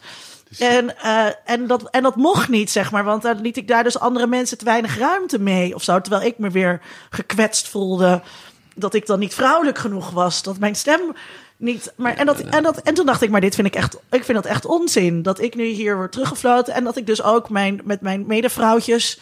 Dat ik die dus wat zachter aan moet pakken. Ik, ben, ik heb toch liever dat we allemaal hard gaan. Maar dat is ook iets wat in mij, wat in mij, is, in mij eh, zit. En als docent is het dan aan jou om degene die weinig zegt of die weinig het woord krijgt, af en toe dat woord uh, uh, is te geven. En soms de schreeuwers wat af te zwakken. Maar om als algemene regel te zeggen van wij praten hier uh, op laag volume met elkaar. Want het moet wel gezellig blijven. En waar, jij, waar jij aan raakt over die veilige omgeving. Um, gaat ook over. Er moeten studenten die AD, ADD hebben. Uh, moeten die een uitzonderingspositie uh, krijgen? En moeten, moeten we zorgen dat deze, de, de, dat deze classroom op alle manieren inclusief is? Ja, dat, dat, dat, ik vind dat een hele moeilijke. Uh, ik, ik en als je, als je hier hebben het ook over gehad in het kader van corona. Wat, wat aan de UU speelt, dat, dat studenten die angst hebben. We hebben Vincent en ik eens ruzie over gehad. Studenten die angst hebben, angst hebben voor corona. Ja. Die moeten kunnen zeggen: Ik wil offline of ik wil online. online. onderwijs krijgen, zodat ik niet fysiek naar de werkgroep hoef te komen, die er nu niet zijn. Maar stel dat we weer fysiek les mogen gaan geven, dan uh, moeten er studenten de, moeten studenten de mogelijkheid kunnen hebben om te zeggen: nee, daar ben ik angstig voor. En dan moet de docent maar huppakee online onderwijs geven. Dat gaat ook over veiligheid. Enorm. En jij ja. bent daarvoor. Ja, daar ben ik wel voor. Want kijk, de regeling klinkt iets anders. Namelijk ik, de regeling ik ben is, er ook voor. Jij bent er ook ja, voor. Ik ben er ook voor. Oh, God. Ja. Het zonder opgaan van redenen is. Hè? Dus het is niet zo dat je heel erg opvoerig moet gaan uitleggen waarom jij angstig bent. Daar kan misbruik van gemaakt worden. Zoals er ook allemaal economische regels Het gaat er maar niet om misbruik. Uh, maar, nee, maar het gaat, mijn, mijn stelling zou zijn: als je dus een, een minister-president hebt die, die zijn oor te luisteren legt bij een organisatie die zich uh, uh, hult met de naam RIVM, die dus al drie maanden angst verspreidt op niks af, in plaats van Maurice de Hond in de arm te nemen, ook veel goedkoper. Uh, dan, dan kan je van studenten niet verwachten dat ze niet bang zijn. Want ze worden bang gemaakt. En als je niet bang bent, dan ben je eigenlijk onverantwoord bezig. Ja, en niet alleen huh? voor jezelf, voor de hele samenleving ja. ben je kwaadaardig. Dat, dat, dat, dat zit er natuurlijk ook wel in. Maar het gaat ook heel erg. Maar dan ligt het ook bij het punt dat het RIVM de mensen niet zo bang moet maken. Dat is het. Dat, ik ben ja. daar, daar zit. Daar, maar je kan niet, vind ik, als de RIVM er alles aan doet om iedereen de, de, de, de meest verschrikkelijke angsten aan te jagen, kan je niet van studenten zeggen: ja, maar ja, je moet ook niet naar die lui luisteren. Wat is dat voor gelul? Ja, dus ik, ik vind dat we als wetenschapper dan een taak hebben om die angstgevoelens weg te redeneren. Ja. Um, mag ik er nog één ding ja. over, over? Ja, je mag, je mag er nog veel meer over zeggen. Onderwijs. Ja. Uh, ik had het, drie kwart jaar geleden een discussie met iemand die het standpunt innam. En daar moest ik toen echt even diep over nadenken en zuchten. Dat het, het niveau wat wij eisen voordat iemand gaat studeren. Uh, namelijk VWO of gymnasium, dat dat al op een hele vervelende manier werkt. En dat juist ook mensen van een ander niveau ook naar de universiteit zouden moeten. Want ja. je zou dan met elkaar in het debat zou je ook andere ervaringen ja, hebben. Heb ik, net, heb ik het vandaag ook nog over gehad, uh, over de International Classroom. Uh, dat sommige mensen die zijn dan, waren dan de top of their class in het land van uh, herkomst. Ja. Maar dat niveau is eigenlijk niet goed genoeg voor wat wij hier ja. hebben. En er ging er dus over van. Dus ik deed een, ik deed een cursus over de International Classroom. Of we dat, of we dat dan, wat Ja. wij dan moeten doen om dat niveau op te brengen. Terwijl ja, uiteindelijk. eh, er, er is maar zoveel dat ik kan doen. Nou, Nee, maar dit, dit de dit- meest ja. extreme. Voor, voor, ik heb eh, lesgegeven in de Dominicaanse Republiek. En daar was een Maoïstische partij. En die vond, had als standpunt dat als je eiste van de studenten dat zij boeken lazen, dan was je volkomen bezig tegen de arbeidersklasse. Want de kinderen van de arbeiders die hadden geen geld om boeken te kopen. Dus Ja. dan was je helemaal verkeerd bezig. Mochten, dan mocht je helemaal niet eisen dat ze boeken lazen. Nou, dit, begrijp je, daar kom je uit. Dus uiteindelijk is het het een volkomen. Maoïstisch. Het is een Maoïstisch standpunt. Ja, Ja. maar ik, ik, ik zie dat nu echt het steeds meer opkomen. Want dan kom je ook op andere punten. En het gaat eigenlijk steeds, de discussie ligt erachter. Als je ergens zelf niks aan kan doen, mag je dan eh, daar ook de consequenties. eh, eh, Ja, Moet dat dan ja. consequenties hebben? Ja. Eh, als jij in een rolstoel is het, zit en je gaat naar de universiteit, vind ik dat je het volste recht hebt Dat jij kan er niks aan doen dat je in een rolstoel zit. Je moet wel gewoon onderwijs kunnen volgen op die manier. Daar kunnen we ons best voor doen. Maar als iemand een. eh, als wij een opleiding hebben. Waar Als je staat- dyscalculie hebt, maar je wilt toch graag wiskunde doen? Ja, en, Oh, maar ja, dan precies. komt- dan, dan, maar waarom dyslexie? Als je een, nou ja, het, het dyslexie, Nee, maar- de epidemie neemt echt af eh, op een of andere manier. Ik heb steeds minder. Maar jij gaat een talen, cultuur, talenopleiding doen bij ons, hè, bij- bij media en cultuurwetenschappen. En je zegt trouwens, dat lezen en schrijven, daar ben ik niet zo goed in. Eh, dus En ik vind Ja. eigenlijk ook eh, tv kijken niet zo leuk. Nee. En, En bovendien, nee, ik kan dat helemaal niet. Nee, Maar ik wil toch letterkunde, ja. ja. Ik wil heel Nee, graag goed, stu- nee, student maar- zijn. Ik wil niet studeren, maar ik wil het wel graag zijn. Maar dit, die- die- je hebt hier de, de, de kern te pakken. En, en, en dat, ja, dat kan natuurlijk allemaal niet. Je, je, begrijp je? Dus elke vorm van meritocratie... die, die vereist dat, dat er ongelijkheid is. Niet iedereen is super slim. En niet iedereen is super gemotiveerd. En, en sommige mensen hebben gewoon vette pech. Ja, dat is gewoon Nou, waar. voor die laatste categorie. En je ziet nu dat er eh, in mijn ogen op, op, op, op hele eenduidige manieren die categorieën van pech, bijvoorbeeld mensen van kleur, worden neergezet als eh, een groep die op achterstand staat. Zeker waar. Maar die is natuurlijk veel intersectioneler, om maar die term te gebruiken. Dat er een, een, een, het oog voor mensen die. Er stond een hele mooie Twitter-rant eh, eh, waar wij het over hadden. Dat als jij wit bent in een achterstandswijk, weet je wel, dat, daar is veel minder zicht op eigenlijk. Het valt mij op aan binnen een letterenfaculteit. Dat wij dus studenten die het heel goed doen, zijn vaak ook studenten die uit omgevingen komen. Waarin gelezen wordt, waarin Ja, gediscussieerd wordt en wat dan ook. En dat Ja. zijn er maar heel weinig die dat eh, niet mee hebben gekregen. En toch een besluit nemen. Weet je wat ik ga doen? Ik ga lekker Franse taal en eh, eh, taal en cultuur studeren. Terwijl ik dat nooit in mijn omgeving heb meegekregen. Mm. Logisch dus. Maar hoe ga je dan... Dan hebben we het over uitsluitende principes. Misschien Maar hele, de universiteit is een uitsluitend principe. Als je je tentamen niet haalt, dan kan je niet verder. Nee. Klaar. En dat is uitsluiting. Dus dat hele gelul over inclusie, dat, dat ten diepste kan dat niet. Maar als jij als 18-jarige en jij wilt een keuze maken en je hebt eh, eh, misschien wel met hakken over de sloot je VWO gehaald en je komt op een universiteit en je hebt weinig meegekregen van huis uit en dan stoot je op één je neus. Waar ligt dan de Nee, verantwoordelijkheid maar om dat, die het, student... gaat, het gaat veel verder. Ik heb, als ik heb, ik heb op de, ik heb, ik op de University College ge- gewerkt. Ja. Daar komen helemaal geen mensen. Dit zijn allemaal mensen die gestudeerd hebben en st- steenrijk zijn. Ja. En dan had ik iemand had ik eh, als tweede lezer zijn scriptie afgekeurd. En eh, nou, de, de, de, de, de shit was, get- was hitting the fan. Ja, dat dat, was helemaal niet de bedoeling en dit en dat. En, eh, en eh, de, eh, ik, ik zeg maar ja. nee, zei de head of education, maar jij kent de cultuur hier ook helemaal niet en zo. Dus ik denk, nou, laat ik die scriptie eens door. Nee, dat heb ik niet gedaan. Maar ik zei, twee weken later zeg ik tegen haar, ja, ik heb die scriptie nog eens aan deze en gene laten lezen in Amsterdam. En, en ook in Leiden. Maar ja, ik ben er een tijdje uit geweest, maar niemand, ik heb nog niemand gevonden die zegt: in een bachelorscriptie hoef je geen noten te hebben. Toen zegt ze: Heb je dat gezegd? Heb je dat gezegd? Ik zeg ja, want jullie hebben, dit, die scriptie heeft geen noten, die heb ik afgekeurd. Maar dat kan, dat mag niet. Ja, maar dat mag je niet zeggen. Maar heb je dus. Ja, ja, nee, dan- dit- dan dit, is, dit is allemaal. eh, de, de, eigenlijk komt het erop neer dat iedereen moet slagen. Ja. Anders faalt de universiteit. En dat betekent dus dat, gewoon dat je de zaak moet bezwendelen. Maar dat moet je weer bedekken. Want je mag ook niet zeggen, ik bezwendel de zaak. Kom, kom binnen, iedereen slaagt. Dus, In Rotterdam hadden ze op een gegeven moment het Ja. credo... echt, wie dat nominaal is normaal... waarin je dus als eerstejaarsstudent ook vakken niet hoefde te halen... en die kon je dus min of meer laten vallen. Ja. En dan wel naar het tweede jaar gaan. Maar, dus, maar dan hoor ik, wat ik daarin hoor, is eh, toch dat ehm, de bedreiging eh, zit dan vooral.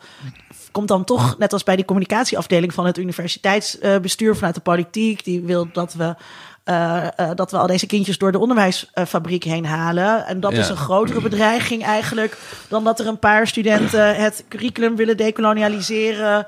Of dat er een paar rechtse snowflakes eh, zijn die zeggen: Oh, iemand uit mijn werkgroep had gezegd dat ik een rechtse snowflake was. Ja, dat vind ik, ik vind sowieso, ik vind die studenten die dat curriculum willen decoloniseren, vind ik wel leuk. Nee, het ergste is dat dit allemaal ingestoken wordt door de diversiteitsofficieren.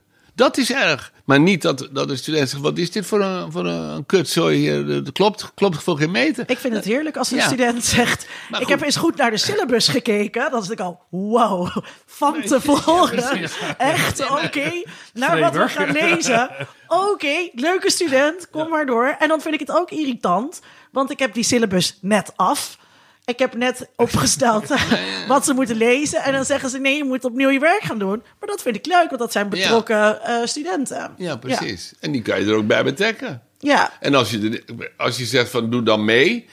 eh, en dan de lui die dat niet willen, die zijn zo weer weg. Oh nee, zeggen ze, nee, nee, dank u wel. Nee, dan ga ik wel iets anders doen. En dan ben je ze weer kwijt. Ja. Begrijp je? Dus, dat- dus ik, ik, eh, het, het gaat mij helemaal niet over de radicalinskis onder de studenten. Want dat ben ik zelf geweest. En dat Nee, die kan zijn hartstikke leuk. Maar het gaat om dat systeem waarbij jij terecht zegt... uiteindelijk wil iedereen dat iedereen veilig is.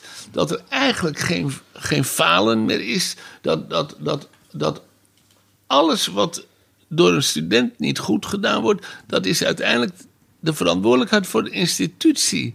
Van, de institu- van het instituut, van de universiteit. Dat kan niet. Je, je moet mensen een eigen verantwoordelijkheid geven. En als ze gewoon niet goed genoeg zijn, dan zijn ze gewoon niet goed genoeg. Nou ja, Jammer, en- en- jammer. Wat, wat ik hier heel vaak bij merk is, wat niet uitgesproken wordt, is maar er is een soort angst voor dat het elitair is. Dat het, Het is eh, elitair. Ja, maar, Ja, maar die dan moet angst je- voor het elitaire van, oh, dat is dus niet voor iedereen, is niet weggelegd. Nee, Sterker iedereen. nog, de universiteit, ik be- benoem het graag, het zou toch een plekje op de wereld zijn wat zich los mag maken van al die andere maatschappelijke dwang, dat het daar kan plaatsvinden.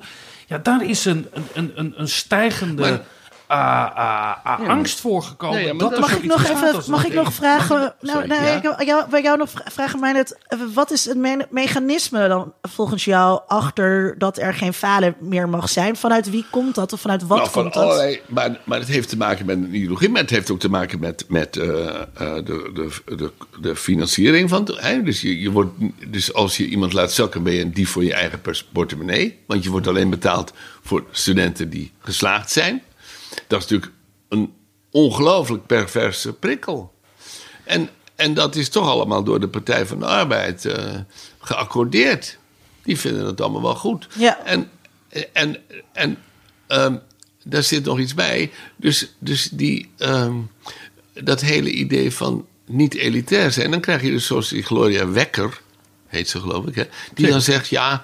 die- Het is enorm eh, elitair en eh, het is heel duidelijk dat er, dat er eh, barrières opgeworpen worden. Want er zijn in Amsterdam eh 40% eh, allochtonen en die zien we allemaal niet op de universiteit. Maar de implicatie daarvan is dat ze eigenlijk zegt van als daar ongeschoolde Marokkanen en Turken naar Nederland gehaald worden, dan moeten die eigenlijk binnen een, een periode van, van t- 20 jaar moeten die professor zijn. Nou, gefeliciteerd, maar eh, begrijp je, dan, dan houdt het toch op. Je, je, kan, je kan toch niet alleen maar de instellingen eh, opdracht geven om een afspiegeling te zijn van, van de bevolking. Dat is, dat is onzin. Nou, je, je hoopt dat die, eh, de, de vertegenwoordiging uit verschillende groepen in alle verschillende lagen eh, natuurlijk beter zich zal ontwikkelen. En dat het niet. Er is een oververtegenwoordiging natuurlijk van meer witte mensen die naar de universiteit gaan dan eh, wat er in Nederland is. Ja, ja. Wat, wat ik, in Utrecht is er lang eh, onderzoek gedaan en dat gebeurt Ja. ook nog steeds. En er wordt eigenlijk niet zozeer gekeken naar welke percentages komen er nou Ja. bij ons. Maar als je eh, mensen met een migratieachtergrond en niet een migratieachtergrond gaat bekijken in het hele traject van een keer naar een open dag gaan tot aan het beginnen van een studie. En dan zie je bij bepaalde opleidingen, dat is heel mooi onderzoek van eh Leonie Wijngaard, dat op het moment dat eh, jonge mensen met een migratieachtergrond daadwerkelijk naar de universiteit bij ons komen, dus op, op locatie zijn, Ja. dat er dan een veel grotere groep afhaken. Dat zijn dus allemaal kinderen met een VWO. dan zie je dat die kinderen met een, migratieachtergrond eerder afhaken dan kinderen zonder een migratieachtergrond. Ik vind dat je dan echt wel kan laten zien. Niet op is de tafel slaan, eh, Vincent. Eh, sorry, de- hier is Ja. een probleem dat eh, deze 18-jarigen zich hier niet thuis voelen Ja. en wel meer aan de Erasmus. Eh, of aan de. Oké, ja, Eh, dus ja. dan heb je een wezenlijk probleem wel te pakken. Dat je er niet. Dat ook kinderen met een migratieachtergrond zich daar natuurlijk welkom moeten voelen. Eh, daar kan je wat aan doen. Maar die percentages, ja, je kan niet. als we weten dat mensen met een migratieachtergrond. dat het de, de, er zouden net zoveel mensen een VWO, die een VWO halen. naar een universiteit moeten gaan als mensen zonder migratieachtergrond. Dat is het streven. Ja, nou ja, dat vind ik een goed streven op zichzelf. Dus daar, maar maar ook daarvan is het om helemaal de vraag of de universiteit daar ehm, eh, echt alleen maar verantwoordelijk voor is. En twee, daar, nu kom ik nog weer even bij de actualiteit. Als er nou iets is wat ervoor zorgt dat die mensen niet welkom zijn, dan is het wel deze Black Lives Matters beweging dat klinkt raar, maar het is waar.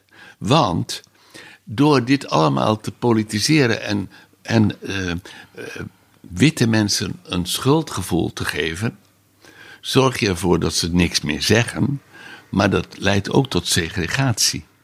In, ik heb gedoseerd in Berkeley, de People's Republic of Berkeley. Nou, daar is het allemaal helemaal je van het. En daar is alles multicultureel. En, en de, de veiligheid is enorm. Ja, daar, daar is het De veiligheid is Ja. enorm. Maar er, maar er is een volkomen segregatie, zowel op studenten als op docentenniveau. Een zwarte student ziet buiten de classroom nooit een witte student. Want die witte studenten denken, ja, je hoeft maar één keer iets fout te zeggen en dan ben je meteen de klos.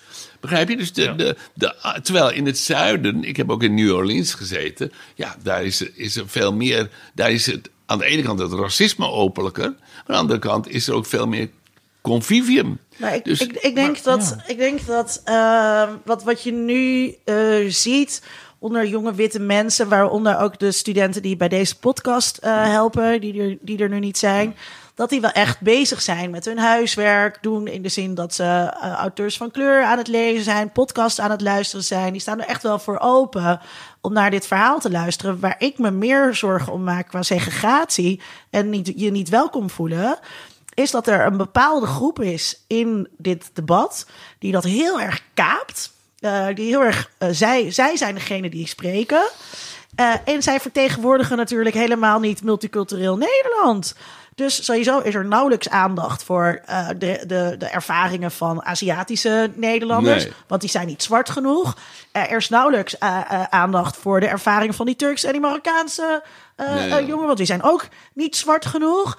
Er is nauwelijks aandacht voor zwarte kinderen uit de Belmer. Want die kennen ze niet en die taal spreken ze helemaal Nee. niet. Want die mensen die dit, dit debat zo, zo, die zo sterk klinken, dat zijn hoogopgeleide mensen. En die hebben de mond vol van intersectionaliteit. Maar oh wee als je over klassen begint. Want dan kunnen ze zelf wel eens misschien aangesproken worden op een privilege dat ze hebben. maar wacht nog even. Dit is allemaal waar, dat, dat ondersteun ik wel. Maar ik, mijn punt was eigenlijk, dat, is, dat hele racisme debat vind ik ongelooflijk ingewikkeld. Omdat, ehm, aan de ene kant vind ik het heel goed dat er mensen zijn die, eh, die zeggen, van, nou is het klaar, nu, nu ga ik eens vertellen wat mij allemaal overkomen is hier. Maar tegelijkertijd help je niet, help je, help je dat debat niet door mensen zich schuldig te laten voelen. Begrijp je? Dus je moet wel, je, je- moet proberen om mensen die die ervaring niet hebben te laten delen in die ervaring, zodat je je kan voorstellen wat, proberen voor te stellen wat het is, kan nooit echt. Maar tegelijkertijd moet je enorm uitkijken dat dit niet een, een, een morele terreur wordt, want schuldgevoel leidt altijd tot agressie. Dat, dat denk ik. Maar de, de, de, het, het, de uitnodiging die er ook in zit om hier wel over na te denken. En, en eens een keer wat te lezen. En, te, en de relaties te zien van een slavernijverleden naar een huidige eh, tijd. En, en daar hebben we ineens kent iedereen het woord institutioneel en, is, en is systemisch. Systemisch. En, en, Ja, wat is dat eh, eigenlijk? Nou, dat is een systeem. Is in het systeem en maar- institutioneel is in de institutie. maar, Maar dat is een heel groot belangrijk verschil. Ja, maar, nee, maar dit soort dingen al. En ik ga alleen maar. De- deze groep die dit eh, toegeëigend heeft, is zo ontzettend cosmopolitisch, hoger opgeleid. Een, een, zelfs ik moet elke week toch wel een nieuwe, ab- een nieuwe abstractie mee eigen maken om een onderdeel van dit debat te zijn. Ik, ik vraag me Maar af. ik bedoel, Ja, maar dat vind ik niet alsof het moeilijk is. Ik bedoel, hallo, je bent, je bent onderwijs. moeilijk. We werken Nee, aan een universiteit. We kunnen heus wel één concept per week leren. God, ik mag toch hopen dat je er wat Ja, ja, meer ja. leert per week. Nee, maar gaat het dan nog over het debat wat je moet voeren? En wat, wat mij net zegt, is je hebt een... Ik, ik geloof dat het, dat het verhaal over... Goh, we we voelen ons schuldig als witte mensen... en we gaan ons samenbinden en, en er ontstaat segregatie... zie ik niet zozeer gebeuren. Maar Oh, eerder een, een, een enorme teleurstelling uh, langs lijnen van klassen. En dat is volgens mij veel prominenter nu in Nederland zie je dat gebeuren. Ook aan de, de, de vermeende rechtervleugel die opkomt voor de vrijheden in Nederland en wat dan ook. Uh, langs dat soort lijnen zit eigenlijk de grote kloven in Nederland. En dat wordt nu helemaal miskend. Maar waar, wat bedoel je dan? Bedoel je dan dat laagopgeleide... of dat, dat, dat kinderen van laagopgeleide ouders... die aan de universiteit komen studeren... en niet geleerd hebben dat het niet netjes is om niet links te zijn... dat die er dan buiten vallen? Nee, veel simpeler. Wat bedoel jij- je, Josse de Voogd? een- zeg het me. Als jij een Turks of Marokkaanse achtergrond hebt, dan is het veel moeilijker om een stageplek te vinden. Dat, dat, dat, dat, dat kunnen we niet ontkennen. Dat is gebaseerd op een heel uh, een, een racistisch, discriminatoire uh, Ja, handelen. maar goed, maar dat, nou ja, maar daar, maar, maar, maar da- daar, daar vind ik, ik vind ook dat daar maatregelen genomen Ja. moeten worden. Echte maatregelen, maar niet ach, ach en wee roepen, maatregelen. Ja. Nou ja, en dat is allemaal, ehm, eh, hoe heet het, eh, qu- quota's, quota's instellen. Dus dat, daar ben ik allemaal voor. Het gaat er mee om dat, dat men aan de ene kant weigert om quota's in te stellen. De, de ja, maar colleges hoe- van. hoe- ja, maar op basis van welke variabelen vraag ik me Nou, af. ik heb, ik, heb ik heb voorgesteld, in, in- ik zeg als de, als de Universiteit van Amsterdam het zo belangrijk vindt dat er Marokkanen en Turken in het docentenkoor worden eh, opgenomen, dan moet je geen diversiteitsofficieren aannemen die dat gaan roepen dat dat moet, maar dan moet je gewoon tegen alle voorzitters van afdelingen zeggen, eh, voor, voor, voor als je vier allochtonen aanstelt in jouw afdeling, dan krijg je één bonus FTE vrij te besteden. Krijg Ja. je één wit mens Ja, dan krijg je dat is dat en dan moet je eens kijken hoe snel Oh, dat oh, gaat. ik ben het helemaal met je eens. Nou. Dit gepraat erover of het nog erger, er moet een mentaliteitsverandering komen. Daar, daar, Ja. daar winnen we natuurlijk niks mee. Niks mee. En trouwens, de wereld is er na 68 niet mooier op geworden sinds we allemaal met mentaliteitsveranderingen bezig zijn. Eh, dat, da- daar moet wel iets gebeuren. Maar ik vraag me altijd af bij die, bij die quota, wil je dan zeggen... Ik, ik ken heel ge- genoeg voorbeelden van eh, eh, mensen van kleur die uit inderdaad in een soort quotumregeling ergens terechtkomen.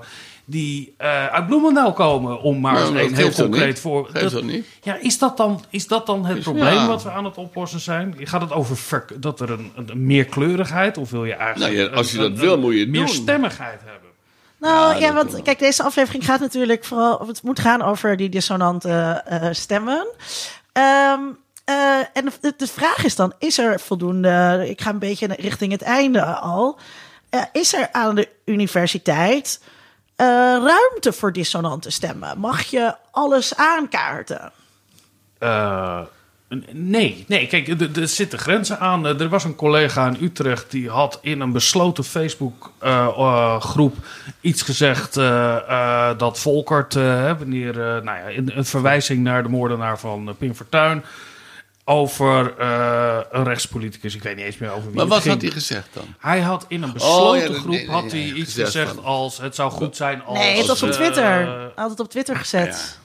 Hij had op Twitter gezegd: het zou goed zijn eh, als, er, als er nog een Volkert zou opstaan. Nee, nee, nee, het. nee, het is op Twitter gezegd, maar dat was een conversatie die hij eh, in een privéomgeving had, wat diegene met wie die praatte online had gezet. Deze eh, collega, ja, die, die, die is wel berispt. Ik vind dat ook heel goed dat je zo, dit soort dingen zeg je niet. Daar ligt de ondergrens. Dus nee, je mag zeker niet alles zeggen. Ik denk dat er bepaalde standpunten op de universiteit eh, zeer niet gewend zijn. Ja. En dus dat je daarmee... Bijvoorbeeld, bijvoorbeeld het standpunt dat eh, kinderen van, van 14 eh, seks mogen hebben met, met iemand van 18 of 19 Ik, ik of denk dat- 21. Ik denk dat dat als een heel kwetsbaar... eh, ja, ik denk Ja, dat dat je zou daar je niet weer mee moeten. krijgt. Ja, nou, Ja, met je, dus- ja. Maar dat, is, maar dat is dus wel eh, wat er eh, is gebeurd. Hè? Een collega eh, van ons aan de UvA heeft iemand uitgenodigd. Een gastspreker, die heeft daarbij gezegd ook... er komt een gastspreker, Ja. als je een tere ziel hebt... Kom niet, te kom komen. niet. Het werd verboden. Dan al deze dingen. En eh, er, er, hè, mensen hebben er lucht van gekregen. Het hielp ook niet dat die, dat die eh, spreker gevo- gevolgd werd door een SBSS-programma. en voor de UvA stond eh, te ver- ver- verschrikkelijke dingen stond te verkondigen. Waardoor er dus inderdaad ophef en een ruil kwam. En eh, wat had ik ook weer op. En er iemand wat aanstoot gegeven. Maar vervolgens is die collega van ons volledig onder de bus gegooid door de afdelingsvoorzitter, door de, door de bureau communicatie. Eigenlijk door iedereen. Er was toen niemand die zei... de academische Hallo, vrijheid is ophouden, in het gezin. ophouden. ja. ja. Nee, maar, dat, maar, maar Linda, als iemand eh, binnen geesteswetenschappen... Hè, Oh ja, en dit moet ik zeggen. Nee, En dit was... Dit, was, eh, eh, dit is wel eh, iets... Ik, wil, ik heb ook zulke soort vakken gegeven. Eh, dit is, vond ik wel eng en nieuw. Ja. Want ik heb toen al gezegd van in mijn tijd kon je gewoon op de universiteit vertellen dat China een fantastisch land was en dat iedereen die zei dat daar slachtoffers gevallen waren, dat dat een rechtse reactionaire lul was die zijn mond moest houden. Mocht gewoon gezegd worden. Nou, ik geloof dat je daar nog wel mee wegkomt. Maar ik denk als je nu gaat zeggen, eh, bijvoorbeeld uh, dat transidentiteiten eigenlijk niet bestaan. Ja. Of uh, Ja. dat je zegt, ja, uh, seksen en gender, hè, we hebben er twee, je mag kiezen. Uh, dat je dan echt buiten het, dat je daarmee dat je- ook buiten het debat plaatst. Maar dat je, maar dat je, dat je collega's, dat je, je moet dan misschien bij Anne de Graaf, de diversiteitsadviseur, op de koffie komen. En je collega's zullen er schande van eh, spreken. eh, maar je wordt niet ontslagen. In Roemenië mag je trouwens dit niet meer zeggen. Hè? Je mag Ja, ja, in Roemenië niet meer doseren Ja. dat er een verschil is tussen gender en seksen. Als je in Roemenië uitlegt dat roze niet van nature een meisjeskleur is, mag dat dus niet meer. Want dat is het verschil tussen gender en seksen. Oh, dat Ja, nee, ik denk maar- Is ik vandaag, denk- is, van, is vandaag is dit. eh, ik zal het je straks nog een keer uitleggen dat en seks. Maar dit is vandaag naar buiten gekomen. Hè? Ik bedoel, daar is echte censuur. bedoel, ik hier gaat ook- het toch een beetje over. Lig je lekker met je collega's? Ja, maar er zijn standpunten die je binnen de geesteswetenschap met name... eh Maar als je volgens daar mij buiten plaatst... maar dat volgens je mij geen zitten die toch echt- gesprekspartner mee bent. Maar zit je toch echt. Want ik bedoel, die, die, deze zaak rondom die gastspreker eh, over pedofilie. Dat was niet de docent zelf die Nee, deze nee. meningen had. Het was een gastspreker. Zij vond, wij hebben het hier over verschillende seksualiteiten. Dus moet deze stem aan een universiteit gehoord worden. En dan moeten wij als, als, als studenten en docenten over kunnen praten. Zij is wel degelijk voor de bus gegooid. Ja. Zij Maar eh, moet wel vrezen voor haar baan. Dat is toch echt iets anders dan dat je niet meer zo eh, afgelopen eh, najaar. Oké, want ik had het daar wel kunnen vertellen, want zes jaar geleden was nog die Partij van de Liefde. Die zou ook een spreekwoord geven in het kader van de verkiezingen. En dat werd verboden door het CVB. Niet vanwege de inhoud, maar omdat zij de veiligheid niet konden garanderen. Ja. Ja. Maar goed, dus toen dacht ik al van dit gaat helemaal verkeerd. Omdat, de, de, de- nogmaals, ik, ik vind dat iedereen alles mag zeggen. Maar dat moet niet van bovenaf opgelegd worden. Ja. Ehm, aan het einde van de, van de aflevering, dan gaan wij altijd de vraag beantwoorden. Eh, deze vraag is deze keer tweeledig, dus we ja, ik ga hem toch gewoon als geheel stellen. Ehm, welke ruimte is er voor dissonante stemmen in de media en de wetenschap? Jullie mogen hem ook tweeledig beantwoorden als je dat wil, de media en de universiteit apart. Ik geef eerst Vincent het woord en dan mag jij het laatste woord. Ik denk, kijk, in de media is natuurlijk een. een, een ja, iedereen eh, kan daar heel veel eh, zeggen. Dus er is heel veel ruimte voor om dat te doen. Eh, ik geloof niet dat het minder is geworden. Zeker niet minder dan in de jaren zeventig bijvoorbeeld. Dus eh, ja, er is zeker ruimte voor dissonante stemmen. Ik denk dat dissonantie eigenlijk ook eh, een verdienmodel is geworden binnen de media. Ja, daar hebben we het nog helemaal niet over gehad, over de clickbait-opinie Ja. en... eh, Oh ja. Eh, dat het, ja, voor nuance is weinig eh, aandacht natuurlijk. Maar dat is een andere discussie. Op universiteiten, ja, ik, ik zie dat daar eh, dissonantie altijd is begrensd. Eh, veel begrensder dan de juridische grenzen die daar zijn. Eh, En door wat wordt hij dan begrensd? Eh, door, nou ja, of je je buiten het debat plaatst bijvoorbeeld. Dus dat je bepaalde veronderstellingen hebt die op, op geen één niet meer kunnen rijmen met het lopende debat binnen jouw vakgebied.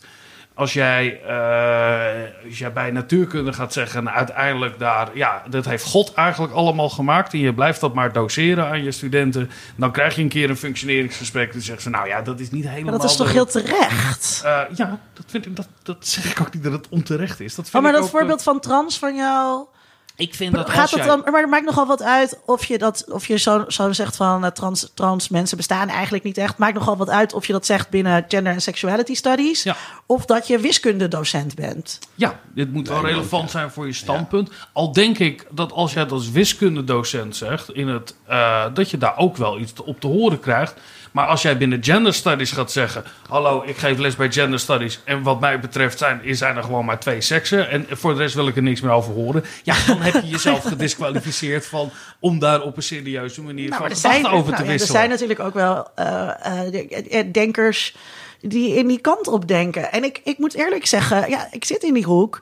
Ehm, eh, het, als ik een vak geef over, over sekswerk, dan lezen ze ook eh, eh, zo'n koekoe feminist eh, die dat allemaal automatisch verkrachting vindt en die daar heel erg tegen is. Want zo geven wij les. Eh, ja, en ik denk dat dat wel minder aan het worden is. We hoorden net eerder het voorbeeld geloof ik over een- helemaal een, niks vraag van. op een tentamen. Dat echt die... eh, eh, Maar dat was de docent dat toch die vraag gewoon Dus bedacht. Die zag daar was- geen probleem in. Het kwam Ja. van hogerhand. Ja, het was van hogerhand. Dus de, de, de disciplinering gaat van boven naar beneden. Ja. En daarom is mijn standpunt, ik ben het verder wel mee eens met je media-ding, maar dat, dat het dus eh, in die universiteiten er veel minder ruimte is voor dissidentie dan eh 50 jaar geleden. Ja. Dus dat, het, dat de universiteiten al lang niet meer eh, pla- vrijplaatsen zijn van, van, van botsing van meningen. St- Sterker nog, dat het, dat het uniek wordt.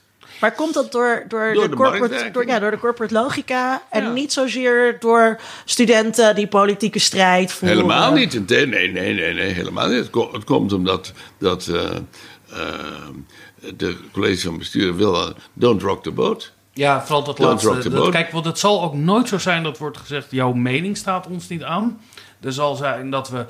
We willen misschien- niet in de krant, Ja, we willen niet in de krant. Het is toch we wel problematisch als je zo opstelt. Eh, ja, we willen toch ook... eh, die grote IRC moet nog binnengehaald worden. En eh, dan wil je toch een betrouwbaar instituut zijn... waar dat ook terecht komt. En... eh, eh, misschien is het toch beter dat we eh, onze toekomst ergens anders eh, afspeelt. Dus dat gaat in omvloerste eh, tot- termen. tot- maar dat kan ook wel. Want ik, dit, dit is dan een, lichtelijk eh, aanpalend, maar wel een zijpad. Ik heb, ik heb ge- met enig succes geprobeerd om een, om een medewerker die zijn tentamens nooit nakeek te ontslaan. En dat eh, werd wel toegegeven dat hij dat niet deed, maar ze wou hem toch niet ontslaan. Ehm, omdat, ja, dan zou het misschien in de krant komen. En ze hadden liever dat iemand gewoon eh, iedereen een voldoende gaf. En toen ben ik naar de Raad van Toezicht gegaan. Ja, toen was de boot aan natuurlijk. Ja. En toen werd mijn eh, in- interne hoe heet het, jurist, die werd op staande voet ontslagen. Maar als Dus dat je als gaat- medewerker naar de Raad van Toezicht stapt... Die Ik was voorzitter van de afdeling. En ik, ik was naar de Raad van Toezicht gegaan. En, toen, Ja. en toen, toen zei Dimf, eh, die, die belde me op en die zegt: Wat heb je nou gedaan? Wat heb je nou Ja, gedaan? ja, dat- ik dat zeg, is nou, ik ben naar de Raad van Toezicht. Ja. Hij zei: Ja, Ja. Ik, zeg, ja, ik zeg: Maar jij antwoordt niet mijn- op mijn e-mails. Ja. Nou ja, begrijp je? Dus, daar niet. maar, maar dan, toen dacht ik, hé, hey, maar het b- belangrijker dan, Ja. dan het, het, het zorgen dat het goed loopt binnen de universiteit, is nog dat het niet in de krant komt. Ja, Ja. ik moet daar nog over zeggen. eh, Ik was afgelopen vrijdag, hadden studenten mij gevraagd om te, om te spreken op de demonstratie die ze georganiseerd hadden. eh, naar aanleiding van die eh, seksuele grensoverschrijding die vorige week in NRC Oh ja. eh, stond van eh, een docent bij de master met de fantastische titel Boek en Papier. Ja. En ehm, eh, eh, die studenten hebben dat geprobeerd aan te kaarten. Eh, en die werden steeds niet gehoord. En toen zijn ze naar de krant gestapt. En het- de, CVB reageerde eigenlijk pas heel laat. Ehm, maar, maar nu zeggen ze, ja, we zijn er klaar mee. We willen dit eigenlijk niet meer horen. Wie zegt dat? Het CVB.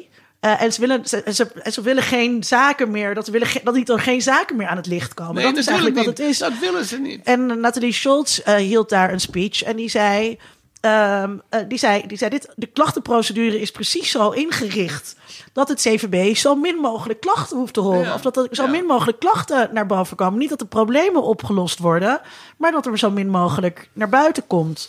Maar daar zijn die diversity officieren ook voor. Die moeten gewoon zorgen dat het allemaal intern afgedekt wordt. En, die, en daarom gaat ook, als iemand dus eh rotje gaat maken, reken maar dat er dan eh, die, die, die officieren hun sabel trekken. Nou ja, dus, dus daarom scandeerden de studenten vrijdag dat Anne de Graaf moet aftreden. ja, dat, Dat eh, zou een hele opluchting zijn. Het maar was, het, het probleem is dat ze. revolutionair ook om te zijn. en alle maar studenten ze wordt vervangen. "Resign, Ze wordt resign." weer vervangen door een ander. Het- De, de zaak moet, die, die functie moet opgegeven worden. Ik ben dat helemaal met je eens. Deze aflevering verliep denk ik heel anders dan we van tevoren hadden gedacht. Ja, dat vinden we altijd dat, eh, het aller, dat vinden we altijd het allerleukst. Ehm, dit was aflevering 126 van de podcast Onder Media Doctoren. Vind je ons leuk om naar te luisteren? Vertel dan iemand anders over deze podcast. Geef ons geld, like ons op Facebook of eh, volg ons op ehm, Twitter. We hebben eh, slecht nieuws of eh, goed nieuws. En we gaan lekker met eh, zomerstop. Vincent en ik gaan samen op vakantie. Ja.